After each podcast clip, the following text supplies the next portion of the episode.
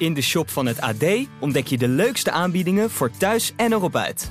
Ga samen op mini-vakantie, beleef dagjes en avondjes uit of scoort de gekke producten. Wacht niet langer en bezoek vandaag nog ad.nl/slash shop. Dit is de AD Voetbal Podcast met Etienne Verhoef. Op weg naar de klassieker. Hoe diep zijn eigenlijk die zakken in de Kuip? Wat bespreek je na een 2-2 in Sittard en de stress onder in de eredivisie? Dit is de AD Voetbalpodcast van 17 januari. We gaan het vandaag allemaal bespreken met, met Mikos Schauka. En Mikos, hoe vaak heb jij de afgelopen dagen al op Twitter het woord titel dan wel klassieker um, eigenlijk voorbij zien komen? Of in mentions naar jou of ergens bij Feyenoord dat je het gehoord hebt? Ja, het is het gesprek van de dag. Niet zozeer uh, alleen op Twitter, maar uh, ja, overal waar je komt. Als mensen weten dat je beroepshalve in de Kuip komt, uh, of familieleden, of noem het maar op, of, of, fans die je kent, ja, die hebben het alleen maar over die klassieker.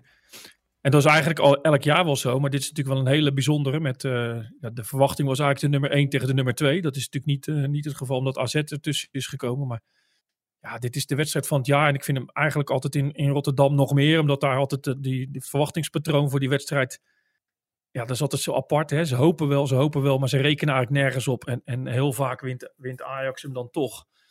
Ja, die, die sfeer in de Kuip, die, uh, daar kun je natuurlijk ook van alles op aanmerken. Maar ja, dit is de mooiste wedstrijd. En ik snap wel dat mensen daar erg na, naartoe leven. En nu speciaal, omdat ja, Ajax in een grote crisis zit. Of in een forse dip heeft. Nou, crisis dus is dit hoor. Dat is geen dip meer hoor. Nou ja, noem het hoe je het wil noemen. Maar dat, dat zou Feyenoord naar acht, eh, acht punten kunnen, kunnen, kunnen tillen. En dat is natuurlijk, zou echt een soort van wonder zijn. Want als jij in augustus had gezegd van... joh, Feyenoord staat uh, halverwege januari acht punten voor op Ajax dan denk je, wat, wat, dan moet Feyenoord een geweldige reeks hebben neergezet. En het is een goede reeks, maar het is helemaal niet feilloos. Hè. Ze hebben best nog wel wat puntjes ook laten liggen.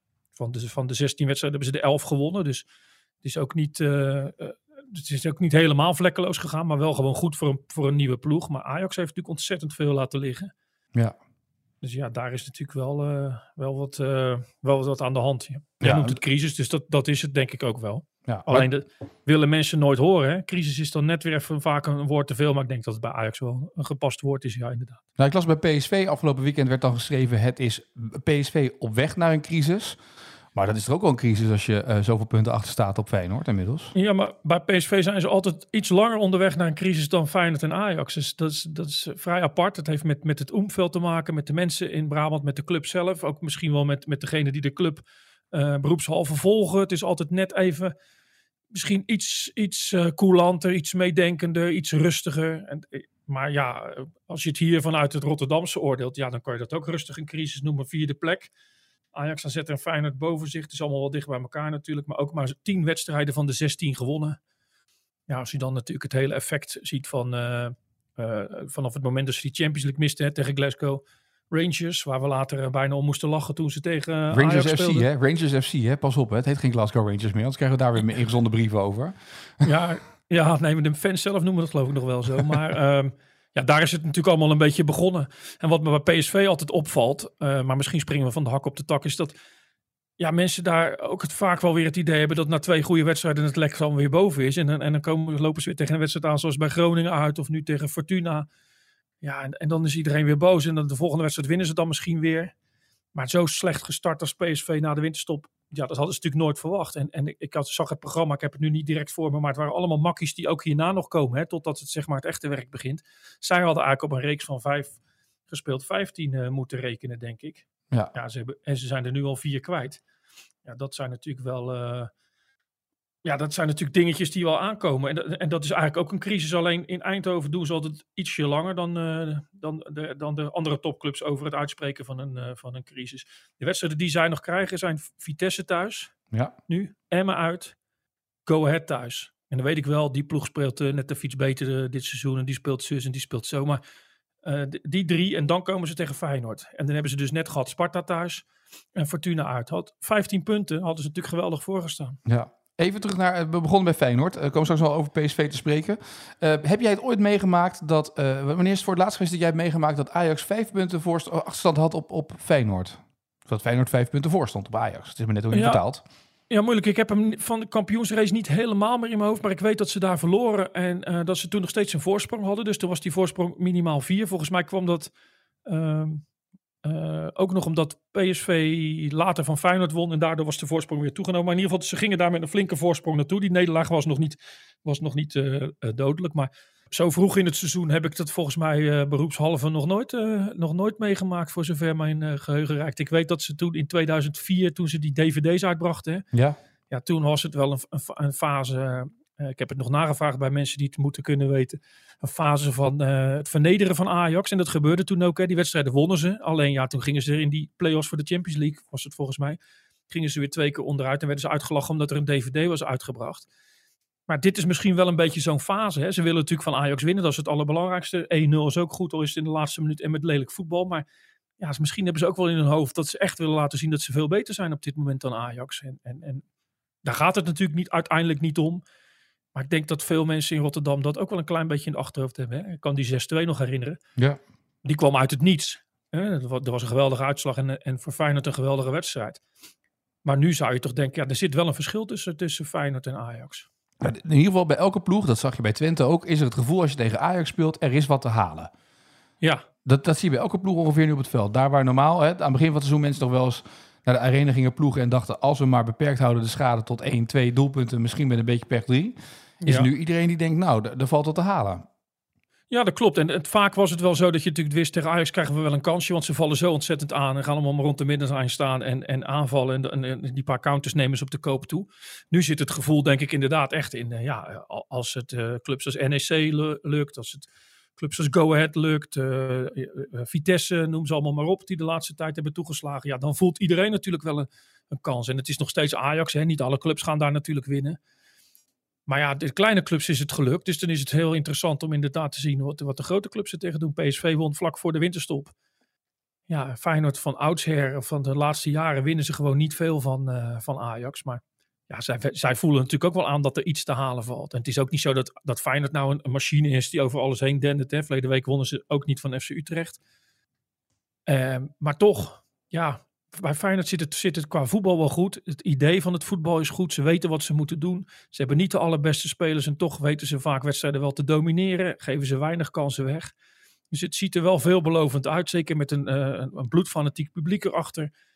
Uh, vier jaar lang geen, uh, of van 2019, hè, die 6-2, was de laatste keer dat er publiek in de Kuip zat. Ja, er komt, een, er komt natuurlijk een, een hele beklemmende sfeer in die Kuip te hangen. En als iedereen zijn kopje er aan de zijkant bijhoudt, ja, dan, dan, zijn alle ingrediënten natuurlijk aanwezig om, uh, om Ajax een keer te verslaan. Als je kijkt naar dat elftal van Feyenoord, jij volgt het op de voet. Um, Wiever op het middenveld in plaats van Timber, brengt dat een andere dynamiek? Ja, het zijn niet helemaal vergelijkbare spelers natuurlijk. Ik vind Wiever, Wiever maar het hele middenveld dan? Wordt het middenveld daardoor anders? Of, of... Nou ja, kijk, Wiever is wel iemand die misschien nog wat makkelijker het uh, loopwerk opbrengt. Uh, ik denk niet dat hij, dat hij heel goed is in de, in de diepgang. Hè? Dat, de, dus, dus als hij zeg maar eh, de rechterzone in moet vullen en daarin diep moet gaan, dat hem dat minder ligt. Dus echt voor die verdediging, dat ligt, het, dat ligt hem wel. En verder is het een klein beetje afwachten. Kijk, zijn eerste twee basisplaatsen, dat heeft hij echt uitstekend gedaan. Dus dat belooft veel meer. En ik, en ik heb natuurlijk veel mensen gesproken die hem bij Excelsior hebben gezien. En die zeiden vaak dat hij na de winterstop veel beter is dan voor de winterstop. Dat het een jongen is die een aanloop nodig heeft. Dus dat belooft wel wat. Maar het is niet zo dat, dat Feyenoord nu, dat is natuurlijk een beetje overdreven. Hè? Die mensen hoor je ook, dat Feyenoord nu in één keer veel sterker is dan, dan, uh, dan, dan met Timber. Dat is, natuurlijk, dat is natuurlijk een klein beetje overdreven. Met Timber wonnen ze ook van Lazio, noem alles maar op. Het is, het is wel een andere, het is een andere dynamiek. En wat hij vooral met zich meebrengt, is, is dat hij goed is in de lucht ook nog. Ja. En daar had Feyenoord er al niet zoveel van. Dus dat kunnen ze ook goed gebruiken. Nou, hij kan koppen. Uh, bij Excelsior was volgens mij de man die altijd de meeste meters maakte ongeveer op dat middenveld. En van de hele selectie überhaupt ook. En ja. iemand die, die uh, ook wel nog iets van scorend vermogen kan hebben. Het is, het is, het is niet dat het een doelpuntenmachine is geweest, maar... Ja, dat klopt. Dus ja, eigenlijk bevalt het allemaal wel. In het begin dacht je, gaat hij wel aanpikken. Uh, ja, hij werd ook niet zo heel vaak gebracht natuurlijk. Had wat blessuretjes gehad. En je denkt toch ja, van Excelsior naar Feyenoord. Hè. Diemers kwam van Fortuna, was de beste speler van Fortuna. Maar dat ja. uiteindelijke aanhaken is moeilijk. Hoewel die ook gewoon zijn goaltjes meepikt in topwedstrijden en zo. Hè. Dus het is ook niet zo dat, dat er een amateur op het veld stond. Maar wat Diemers niet had, heeft Wiever wel. Hij heeft een soort gunfactor bij het publiek. Uh, dat, dat, dat, luistert soms uh, heel nauw. Hè. De, de, ene keer vinden ze dat wel, de andere keer vinden ze dat niet. Dus ik heb wel het idee dat hij alle alle duwtjes in de rug krijgt die hij misschien nodig heeft om uit te groeien tot een echte, echte basisspeler. Ja. Uh, dan heb je dus aan de ene kant heb je het middenveld zou je zeggen, nou ja, als je dan toch gaat kijken, hè, als je transfergeld moet uitgeven, wees blij dat je Saruki niet hebt gehaald, want als Timber terug is en je hebt wie vooral lopen, dan heb je misschien geen middenvelder nodig, kan je beter een verdediger nog halen of wat dan ook. Ja, eens. Ja. Kijk, zoals Wiever zich nu presenteert en, en uh, als Timber inderdaad veel sneller terug is dan ze hadden gevreesd. Ja, Saruki is al mislukt. Dus dan zou je misschien als je toch niet op, op, de eerste, op de eerste keuze uit kan komen, misschien beter naar een verdediger kunnen kijken. Omdat uh, ja, je zag het Hansko raakte geblesseerd. En dan zit je toch te kijken hoe gaan ze dat dan nog oplossen. Hè? Ras, Rasmussen kan er wel spelen, maar het, het team wordt er normaal gesproken niet sterker op. En uh, de spoeling wordt dan wel heel erg dun. Dus ja, een extra verdediger lijkt mij toch geen overbodige luxe. En, en door de ontwikkeling van Wiever zou je inderdaad misschien daar meer uh, kunnen heen schuiven. Maar ja, dat valt de naam Jerdy Schouten natuurlijk. En, en daar is contact mee door Arne Slot, die appt hem geregeld. Maar dat is natuurlijk ja. wel... Ja, moet je ook weer plek voor inruimen op dat middenveld zometeen. Die komt ook niet voor niets naar Bologna natuurlijk. Nee, dat is, wel een, dat is wel een goed punt wat je zegt. Want kijk, hij, als hij komt, komt hij voor heel veel geld. Ja. de kans is overigens heel klein hoor, dat hij komt. Maar goed, dat er contact is tussen Slot en Schouten, dat is geen geheim meer. Maar ja, dan komt er natuurlijk iemand uit de Serie A voor veel geld. Ja, dat moet natuurlijk een basisspeler zijn. Dus dat zou ten koste gaan van, van Wiever. Nou heeft Wiever maar twee keer meegedaan. Dus het is ook heel gevaarlijk om te zeggen uh, er hoeft helemaal niemand bij te komen, want wie vervult dat wel in? Hè? Voor hetzelfde geld blijkt het in de topwedstrijden toch allemaal wat minder te zijn of raakt hij raakt die geblesseerd. Maar ja, uh, je zou ook kunnen denken, ja, met Wiever kunnen we nog wel even vooruit. En dan, en dan halen we Timber. Nou houden we dat geld op zak. Maar Feyenoord heeft natuurlijk niet zoveel geld. Maar uh, ja, er is wel iets natuurlijk. Er is iets om, om te investeren. Anders kun je niet voor zijn rookie aankloppen. En daar ook nog eens een bloedserieus bod neerleggen. Zoals Feyenoord het zelf noemt. Dus, uh, ja, dus als je zegt een bloedserieus bot, dan denk ik gelijk aan, aan 6, 7 miljoen. Dat is ongeveer waar je dan toch redelijk wel in die hoek moet gaan denken. Dan is er toch in ieder geval wel iets van geld. Je kan niet zeggen dat er geen geld is. Nee, dat klopt. Maar dat zou nog, nog steeds net niet genoeg zijn om, uh, om bij Bologna de mensen daar warm te maken voor een transfer. Nee, maar Italië, die bedragen ja, ja, hij is gespeeld afgelopen weekend en een assist gegeven. Ja, wat wil je? Ja, daarom. En kijk, dan moet je het hebben van uh, dat ze daar een vervanger hebben. Of, of, of dat ze denken dat ze niet veel meer kunnen krijgen in de toekomst. Of dat die jongen zelf heel graag terug wil. Dat soort dingen zouden natuurlijk allemaal kunnen. Maar ja, ik heb niet. Kijk, hij wil wel in Rotterdam spelen, heb ik gehoord. Uh, want het is een Feyenoorder. Hè. Het is ook nog familie van Henk Schouten. Nou, noem het allemaal maar op. Uh, maar, maar, goed, daar teken je natuurlijk geen contract voor. Omdat Henk Schouten toevallig familie is. Dat je denkt, ik moet alles inleveren en bij Feyenoord gaan spelen. Het, hij, zou het geen, hij zou het absoluut geen straf vinden om bij Feyenoord te spelen. Maar ja, ik denk dat deze transfer echt onhaalbaar is voor de financiële mogelijkheden die, eh, die Feyenoord heeft. Ook als ze alles uit de kast willen trekken. Ja, dus dan kan je zeggen, oké, als dat nou niet lukt en we hebben de middenvelders nu uh, oké zitten als Timmer op tijd terug is. Dacht ik ook, waarom zou Feyenoord niet nog een aanvaller halen? Want er zitten wel genoeg aanvallers in die selectie. Maar om nou te zeggen dat het heel erg makkelijk loopt voorin, ook niet echt hè? Toch staan ze gewoon bovenaan. Hè? Ik bedoel, dus de, maar de, juist daar zou je volgens mij nog een, een, iets kunnen doen.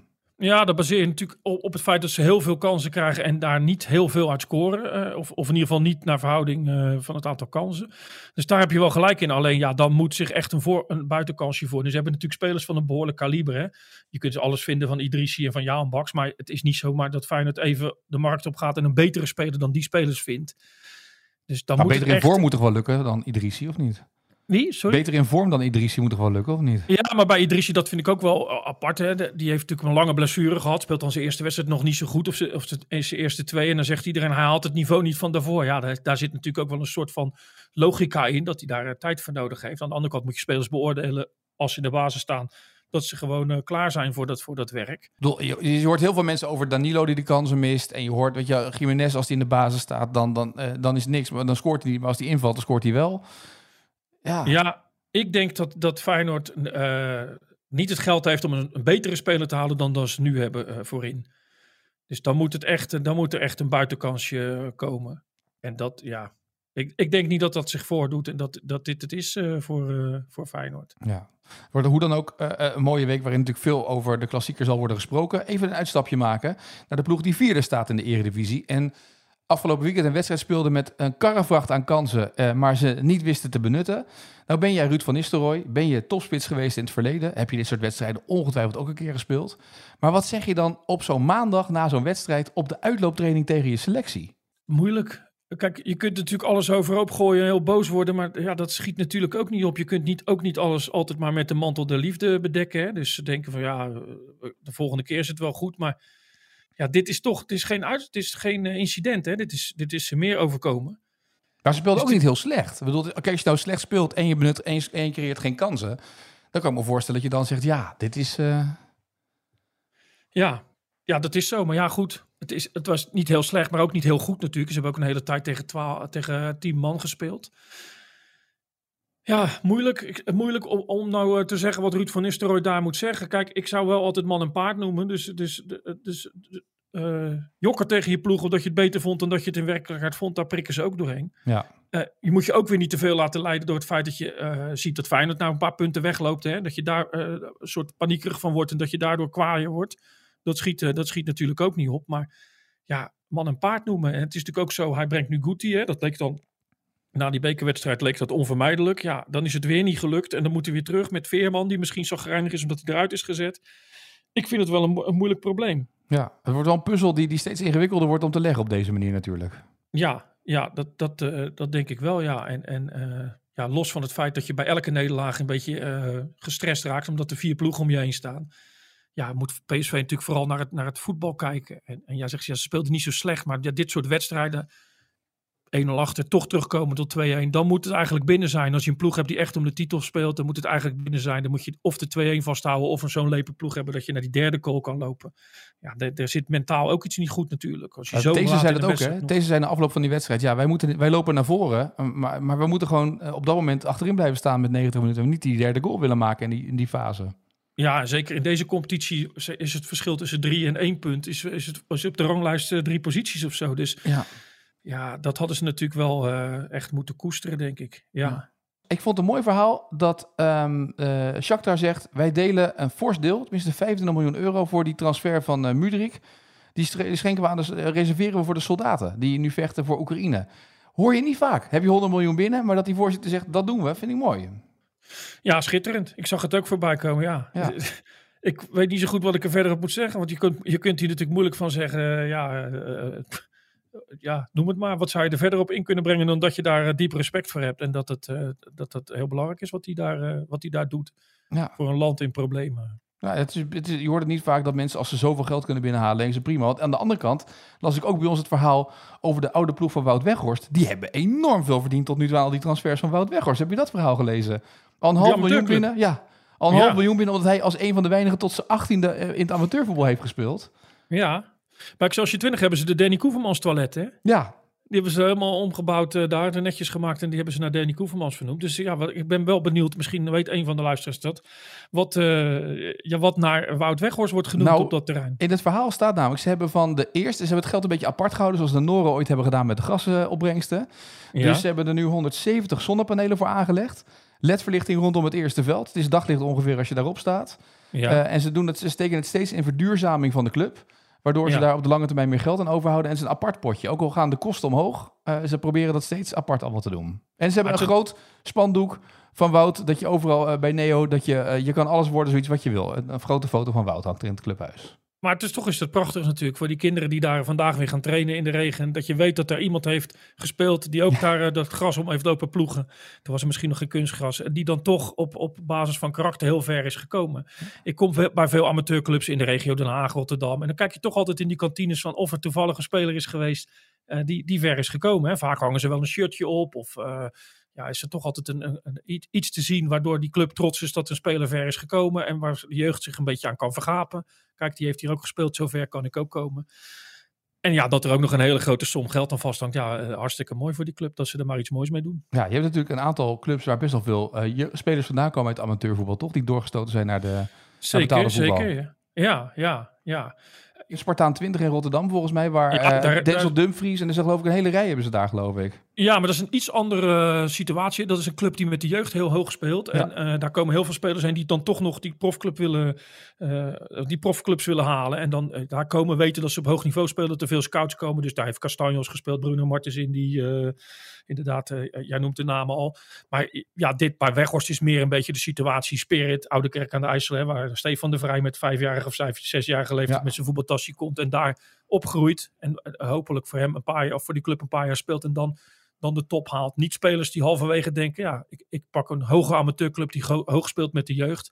Dat is natuurlijk ook goed hoor, want de Spartan 20 heeft natuurlijk goed werk gedaan en veel geld aan verdiend ook aan die transfers later van die, van die jongens. Maar het mooiste is inderdaad het dorpsclubje waar waar Pietje met zijn tas binnenkomt en, en, en het heel ver schopt. En dat die club daar nog uh, trots over, over is. Ja, we hadden een prachtig verhaal in de krant. Heel de wereld kent Wout Weghorst en Borne. We hadden het er gisteren ook over. Bornenaar is het, als iemand uit Borne. En de kop was ook, dit zijn leuke extraatjes. Nou, ja, dat begrijp ik. Ja. Als je 2,5 ton op de rekening mocht bijschrijven voor een transfer naar Wolfsburg of zo, hè? Ja, ja, dat klopt. Wiever komt ook uit Born, hè? Ja, daarom. Dus daar ging ja. erover. Het zijn de weken van de Born Bornenaren. Was dat dus, dezelfde club? Want hij zei dat hij een halfjaartje in de F'jes was getraind door Weghorst. Ja, ook uh, Neo. Ja, klopt. Zelfde club, ja. Bij Neo moet je zijn. Als je prof wil worden, je bij Neo zijn. nu wel. ja. Al moet je de 50 kilometer voor omrijden met je zoon naar Neo. Moet je ja, hij is, uh, hij is in de eetjes gescout door RC Twente. En toen is hij vanaf de D-jeugd in Enschede gaan spelen, inderdaad. Ja, ja. dat was uh, het verhaal. Dus uh, inderdaad, ook hij bij Neo gespeeld. Ja. Nu we toch dat bruggetje maar eens even maken naar de Eredivisie en wat we, wat we bovenin zien. Onderin kruipt het ook nog enorm naar elkaar toe. Als je de stand in de Eredivisie bekijkt, um, dan zie je toch dat vanaf plek 11 tot en met, nou ja, laten we zeggen, plek 17 er maar twee wedstrijden verschil tussen zitten in overwinningen. Maar zes punten. Dat is ook weer een ongekend grote groep die daar eigenlijk uh, rond die plek, van die promotie, degradatie en degradatieplek strijdt. Hè?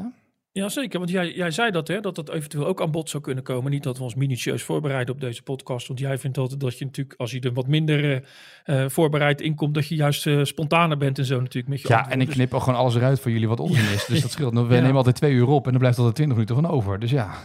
Maar door jouw geliefde Excelsior, waar je van, los van de ranglijst het idee van hebt, nou, die doen het hartstikke goed. En als je dan naar de ranglijst kijkt, dus doen het ook goed natuurlijk. Maar met 16 punten is het gat naar die, die, die, die gevaarlijke zone is natuurlijk maar klein. Het zou ook gek zijn als Excelsior er natuurlijk 18 eh, punten boven zou staan. Dat snap ik ook wel. Maar ja, bij Groningen is het diepe, diepe crisis. Maar het is ook maar weer vier puntjes naar Excelsior. Het is maar vier puntjes naar Fortuna. Uh, Cambuur pakt nu toch wel weer een puntje. Uh, met één overwinning kunnen zij Volendam en Emmen eventueel nou ja, afhalen. En ook Groningen. Volendam, dus... Volendam pakt twee wedstrijden op rij, pakken zes punten. Die staan in ja. 17e. En kijk waar RKC staat. Dat, dat hebben we lang geroemd. Staan gewoon op 18 punten. Het, het zal allemaal wel goed komen. Er zijn pas 16 wedstrijden gespeeld. Maar toch. Ja, maar toch inderdaad. Want NEC, Go Ahead, die staan voor je gevoel uh, veilig, hè, doen het geweldig. Maar uh, toch uh, een reeksje van drie wedstrijden, eventjes een dipje. En, en, en bij Groningen, Vitesse en Excelsior zien ze inderdaad in die week in het licht. En je zit in de ellende, hè. Ja. Dus, dus het is wel vaker voorgekomen natuurlijk dat een ploeg die, die er heel goed voor stond. NEC volgens mij onder Hiballa, hè. Ja. En dan maar ging zakken, zakken, zakken. Ja, dan komt er ook weer wat stress bij kijken. Nou ja, hier dan moet ik ook, ja, ja, klopt. Ja. En toen hebben wij volgens mij wel, wel eens halverwege geroepen. Ah, die spelen kunnen ze wel verkopen, want uh, ja, ja. ze blijven er toch wel in, ja, maken het allemaal uit. Ja. Maar ik heb bijvoorbeeld Groningen. Ja, ik moet eerlijk zeggen, toen ik Volendam tegen Feyenoord zag, dacht ik, nou, daar gaat geen ploeg uh, onder eindigen. Nou ja, die komen nu een beetje omhoog. Nu heb ik Groningen gezien. Ik denk, ja, daar gaat echt helemaal geen ploeg onder eindigen straks. Dus ja, het zijn ook fases, hè. En die, en die ploegen gaan er allemaal voor knokken. Dus, dus je weet het nooit. Maar ja, als je het op papier bekijkt, denk je toch dat uh, ploegen als, uh, als uh, Fortuna, Vitesse, ja, eigenlijk ook wel Emmen, dat die genoeg kwaliteit hebben om boven ploegen als Cambuur, Volendam, in dit seizoen dan Groningen, want daar zakt het ook weg, en Excelsior te eindigen. Maar ja. ik, wil je niet, ik wil je niet extreem bang maken natuurlijk met het Excelsior, maar normaal gesproken eh, zegt kwaliteit, is die kwaliteit op papier bij die andere clubs voor je gevoel groter. Maar ja, daar komt meer bij kijken. Hè? En, en, het is ook een beetje de swoon die je erin kunt brengen als trainer. Ja, ja, wat dat betreft, kijk, daarom wordt bijvoorbeeld dit weekend Excelsior Volendam vrijdagavond, wordt natuurlijk al wel weer een hele belangrijke wedstrijd om weer wat ruimte te gaan creëren. Datzelfde ja. geldt een beetje ook wel weer voor uh, nou ja, Emmen, naar NEC toe. Het is Cambuur tegen Sparta. Dat zijn wel de wedstrijden waar, waar voor dat soort ploegen punten gepakt moeten worden. Maar Excelsior Volendam is precies waar, wat we zeiden. Ja, het is vier punten. Als Excelsior wint, ja, dan kun je wel zeggen... voorlopig ben ik, ben ik daar wel vanaf. Verlies je, dan staan ze in je nek. En dan wordt het daar heel spannend. Benieuwd. En dat zijn natuurlijk veel clubs die op de counter kunnen spelen. Die kunnen afwachten. Ploegen die onderin staan. En straks moeten ze wedstrijden gaan winnen. Hebben ze niks meer aan een puntje. Moeten ze, moeten ze een reeks neer gaan zetten. Ja, dan krijg je ook een heel andere dimensie in het, in het, in het spel, in de tactiek. En dat ligt ze vaak niet. Dus... Uh, ja, deze weken zijn wat dat betreft interessant voor die clubs om in ieder geval een buffertje te vormen, waardoor ze niet straks alles op de aanval moeten gooien, omdat ze dat vaak niet kunnen. Ja. Volendam, kan dat, Volendam kon dat eigenlijk niet, maar die spelen nu op een iets andere manier, pakken ook wel die punten. Dus die hebben die omslag wel al andersom gemaakt. Ja, je zou toch moeten kijken naar waar gescoord wordt. Hè? De ploegen die echt doelpunten maken, daar gaat het een beetje om. Hè? Wie scoort ja, er nou echt? Cambuur niet, hè? Nee, nee dat is nee. een beetje het punt. Emma ook moeizame, tot niet. Ja. Groningen gaat daar komen. Hè? Dus dat, dat, dat zou wel iemand kunnen zijn die er nog 5, 6, 7, 8 maakt op dat niveau. Ja. Maar goed, ja, als je er nu maar negen hebt gemaakt. Goh, uh, en, en, je kunt eigenlijk niks halen. Dat is wel heel lastig. Terwijl die Ulrikis is geen hele slechte speler. En die, en die Boeren is ook wel iemand die toch wel goals kon maken in het verleden. Dus ja, het ligt er natuurlijk ook aan de aanvoer. Maar voor die jongens is het vaak uh, voor moeilijk. En, en Volendam heeft twee ervaren goalgetters. Muren en, uh, en Veerman. Ja, maar ja, die hebben ook nog ja. niet, echt, ook niet aan de Ach, lopende band, hè? Nee, kijk, als je heel ver achteruit moet, is het toch lastig voor die, uh, voor die jongens. Ja, kortom, de, de stress die er bovenin is, die vijf ploegen, onderin zit een stuk of 7, 8. Ja. Ook wel interessant om toch wel weer een beetje te gaan volgen, want we zijn halverwege uh, het seizoen uh, na dit weekend. Dan zien we toch een beetje een aftekening van de eredivisie die redelijk representatief is, toch? Ja, op de helft zou je kunnen zeggen, ja, ze hebben alle tegenstanders gehad. Ja. Als, de, als dat klopt, soms hebben ja. ze er wel eens twee. Soms hebben ze al twee gehad, maar volgens mij heeft iedereen al in ieder geval één keer tegen elkaar gespeeld, volgens mij. Ja, dan zou je als club ook het vertrouwen kunnen hebben. Hè, als je veel punten hebt, dat je denkt, ja, het is ons één keer ge, ge, gelukt om, ze, om deze aantal punten te halen uit, die, uit de helft van, de, van het aantal wedstrijden in de competitie. Dus dat moet nog een keer lukken. En dan moet je als, als trainer ook een beetje kijken, ja, hebben we ergens uh, vier, vijf keer ontzettend geluk gehad en, en dan lukt ons dat niet meer. Of heb je nergens punten gestolen. Maar ik denk dat dat ook een gevoel in de Kuip is. Hè. Ze hebben straks al die clubs gehad, hè, als ze Ajax uh, ook hebben gehad. Ja, en waarom zou dat in de tweede helft van de competitie niet lukken? En dan wordt het natuurlijk allemaal wel spannend, maar er zijn maar weinig wedstrijden waarvan ik, waarvan ik denk dat de koploper op dit moment te veel heeft gekregen. Ja. Ik kan me eigenlijk niet één nou ja, herinneren. Het komt een beetje neer, zeg maar. We begonnen natuurlijk met, met de klassieker en de stand bovenin. Uh, uiteindelijk ja. komt het erop neer dat we aan het begin van het seizoen zeiden... Uh, de, de, PSV, Ajax, Feyenoord winnen in principe die wedstrijden tegen de kleintjes winnen ze. En het gaat erom wat je tegen de ploegen uh, bovenin pakt, want daar wordt het verschil gemaakt. Achteraf blijkt natuurlijk dat Ajax en PSV heel veel punten tegen de kleintjes laten liggen. En Feyenoord dus een stuk minder. Ja. En daarmee zie je het verschil gelijk in de stand, toch?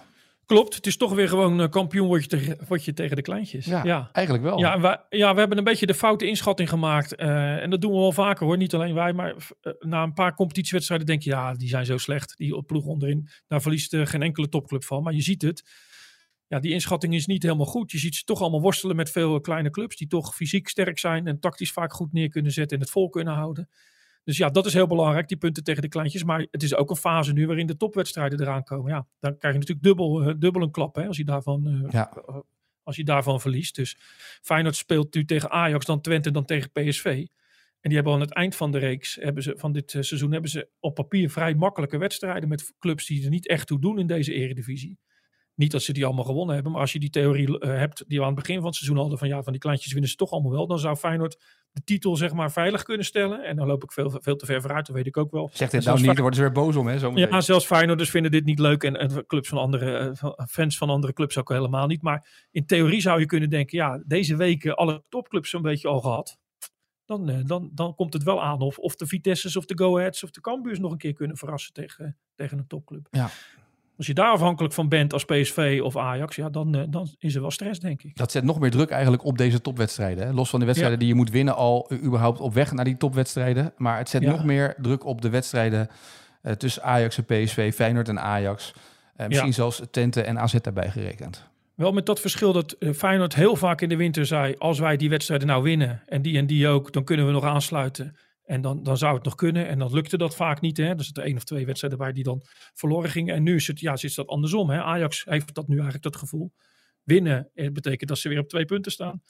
Verlies is acht punten. Ja. Ik vind acht punten best wel veel. Ja, dat is heel veel. Nou goed, laten we kijken wat het gaat worden. De komende week gaan we nog uit over praten. Het is de hoogste tijd voor uh, de vaste rubriek op het einde van deze podcast. De vraag van vandaag. Elke dag hebben we een vraag. Uh, en uh, je kan uh, de verslaggevers van het AD die stellen die vraag. Je kan ze helpen voor de volgende dag. Morgen Maarten Wijfels. maar eerst eens even die vraag van gisteren voor jou, Mikos, die Sjoerd had bedacht. Die 6-2, in dat geweldige seizoen van Ajax was dat. Hè? dat die, droomseizoen behalve op die dag. maar wie vormde de laatste lijn bij Ajax? Welke vier spelers stonden er achterin? Ja, wie stonden daar achterin bij Ajax in die wedstrijd? Bij die 6-2. Ja, ik weet in ieder geval nog uh, Magallan. Ja.